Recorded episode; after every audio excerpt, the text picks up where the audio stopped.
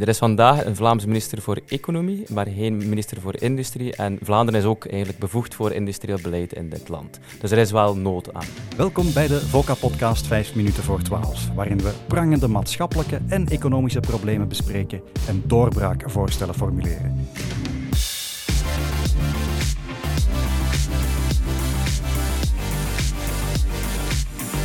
VOCA Podcasts.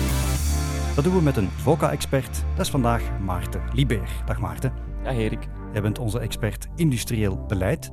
We gaan het hebben over de industrie. En als we kijken naar het Vlaamse industriële landschap, zien we steeds vaker investeringen in het buitenland van Vlaamse bedrijven. En niet in Vlaanderen, in Frankrijk, in Duitsland, in de Verenigde Staten. Is dat een probleem of is dat eh, de normale gang van zaken? Nee, Erik, dat is denk ik zeker een probleem voor ons. Uh, waarom? Vlaanderen is eigenlijk een zeer exportgedreven economie, een zeer innovatiegedreven economie.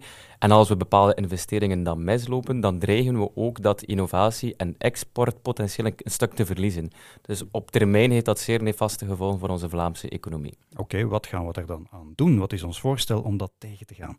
We pleiten eigenlijk voor één minister van Economie en Industrie, zodat eigenlijk die op een ja, zeer holistisch en coherente manier ook dat industrieel beleid kan vormgeven, van energiebeleid tot innovatiebeleid tot internationaliseringsbeleid. Ja, een Vlaams ministerie is dat dan? Ja, klopt. Dat is een Vlaams Bestaat er vandaag dan nog geen minister specifiek bevoegd voor industrie? Nee, er is vandaag een, een Vlaams minister voor Economie, maar geen minister voor Industrie. En Vlaanderen is ook eigenlijk bevoegd voor industrieel beleid in dit land. Dus er is wel nood aan. Oké, nood aan een superminister, onder andere bevoegd voor industrie. Gaat dat dan de zaken meteen oplossen? De zaken zullen niet meteen mee worden opgelost, maar het kan wel zorgen dat er een coherent beleidskader komt, die dus al die verschillende beleidslijnen overspant. En als er een echte strategie, een coherente industriële strategie kan komen, dan zorgt het er ook voor dat die voedingsbodem opnieuw ja, sterker wordt voor bedrijven om hier investeringen te doen eigenlijk, en ervoor te zorgen dat de business case in Vlaanderen aantrekkelijk is en blijft. Ja, als we kijken naar die buurlanden met de diepe zakken, Duitsland, Frankrijk, ja, ze hebben meer overtuigingskracht. Ik wil zeggen, meer subsidiemogelijkheden, meer ondersteuningsmogelijkheden dan Vlaanderen. Kunnen wij die strijd ooit wel winnen?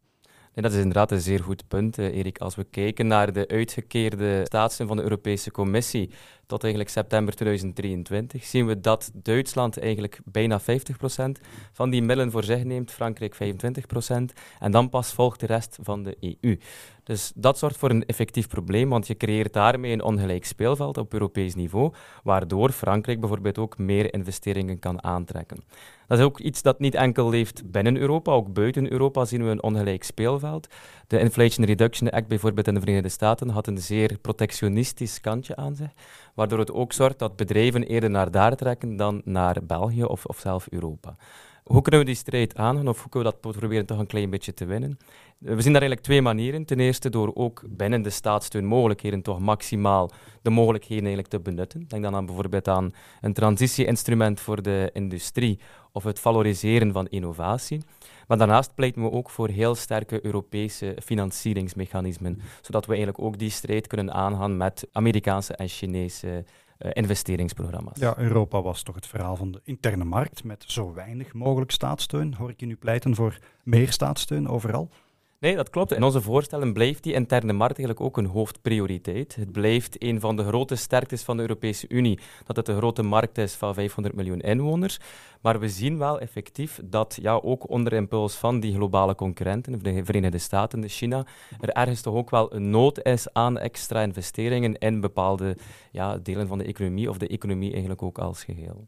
Ja, Um, heeft Vlaanderen, heeft België hefbomen om uh, Europees een en ander in gang te zetten, een en ander te veranderen? Ja, eigenlijk zitten we met een heel goed moment. Vanaf 1 januari 2024 uh, eh, neemt België eigenlijk het voorzitterschap op van de Europese Unie. Dat wil eigenlijk zeggen dat ze alle ministerraden zullen voorzitten.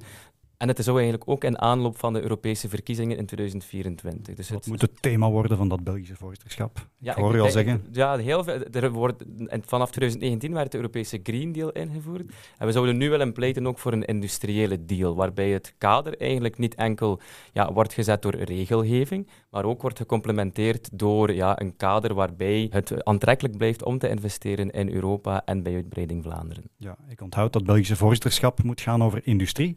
Maar de volgende Vlaamse regering moet dringend een minister aanduiden, bevoegd voor industrie, een super-economische minister.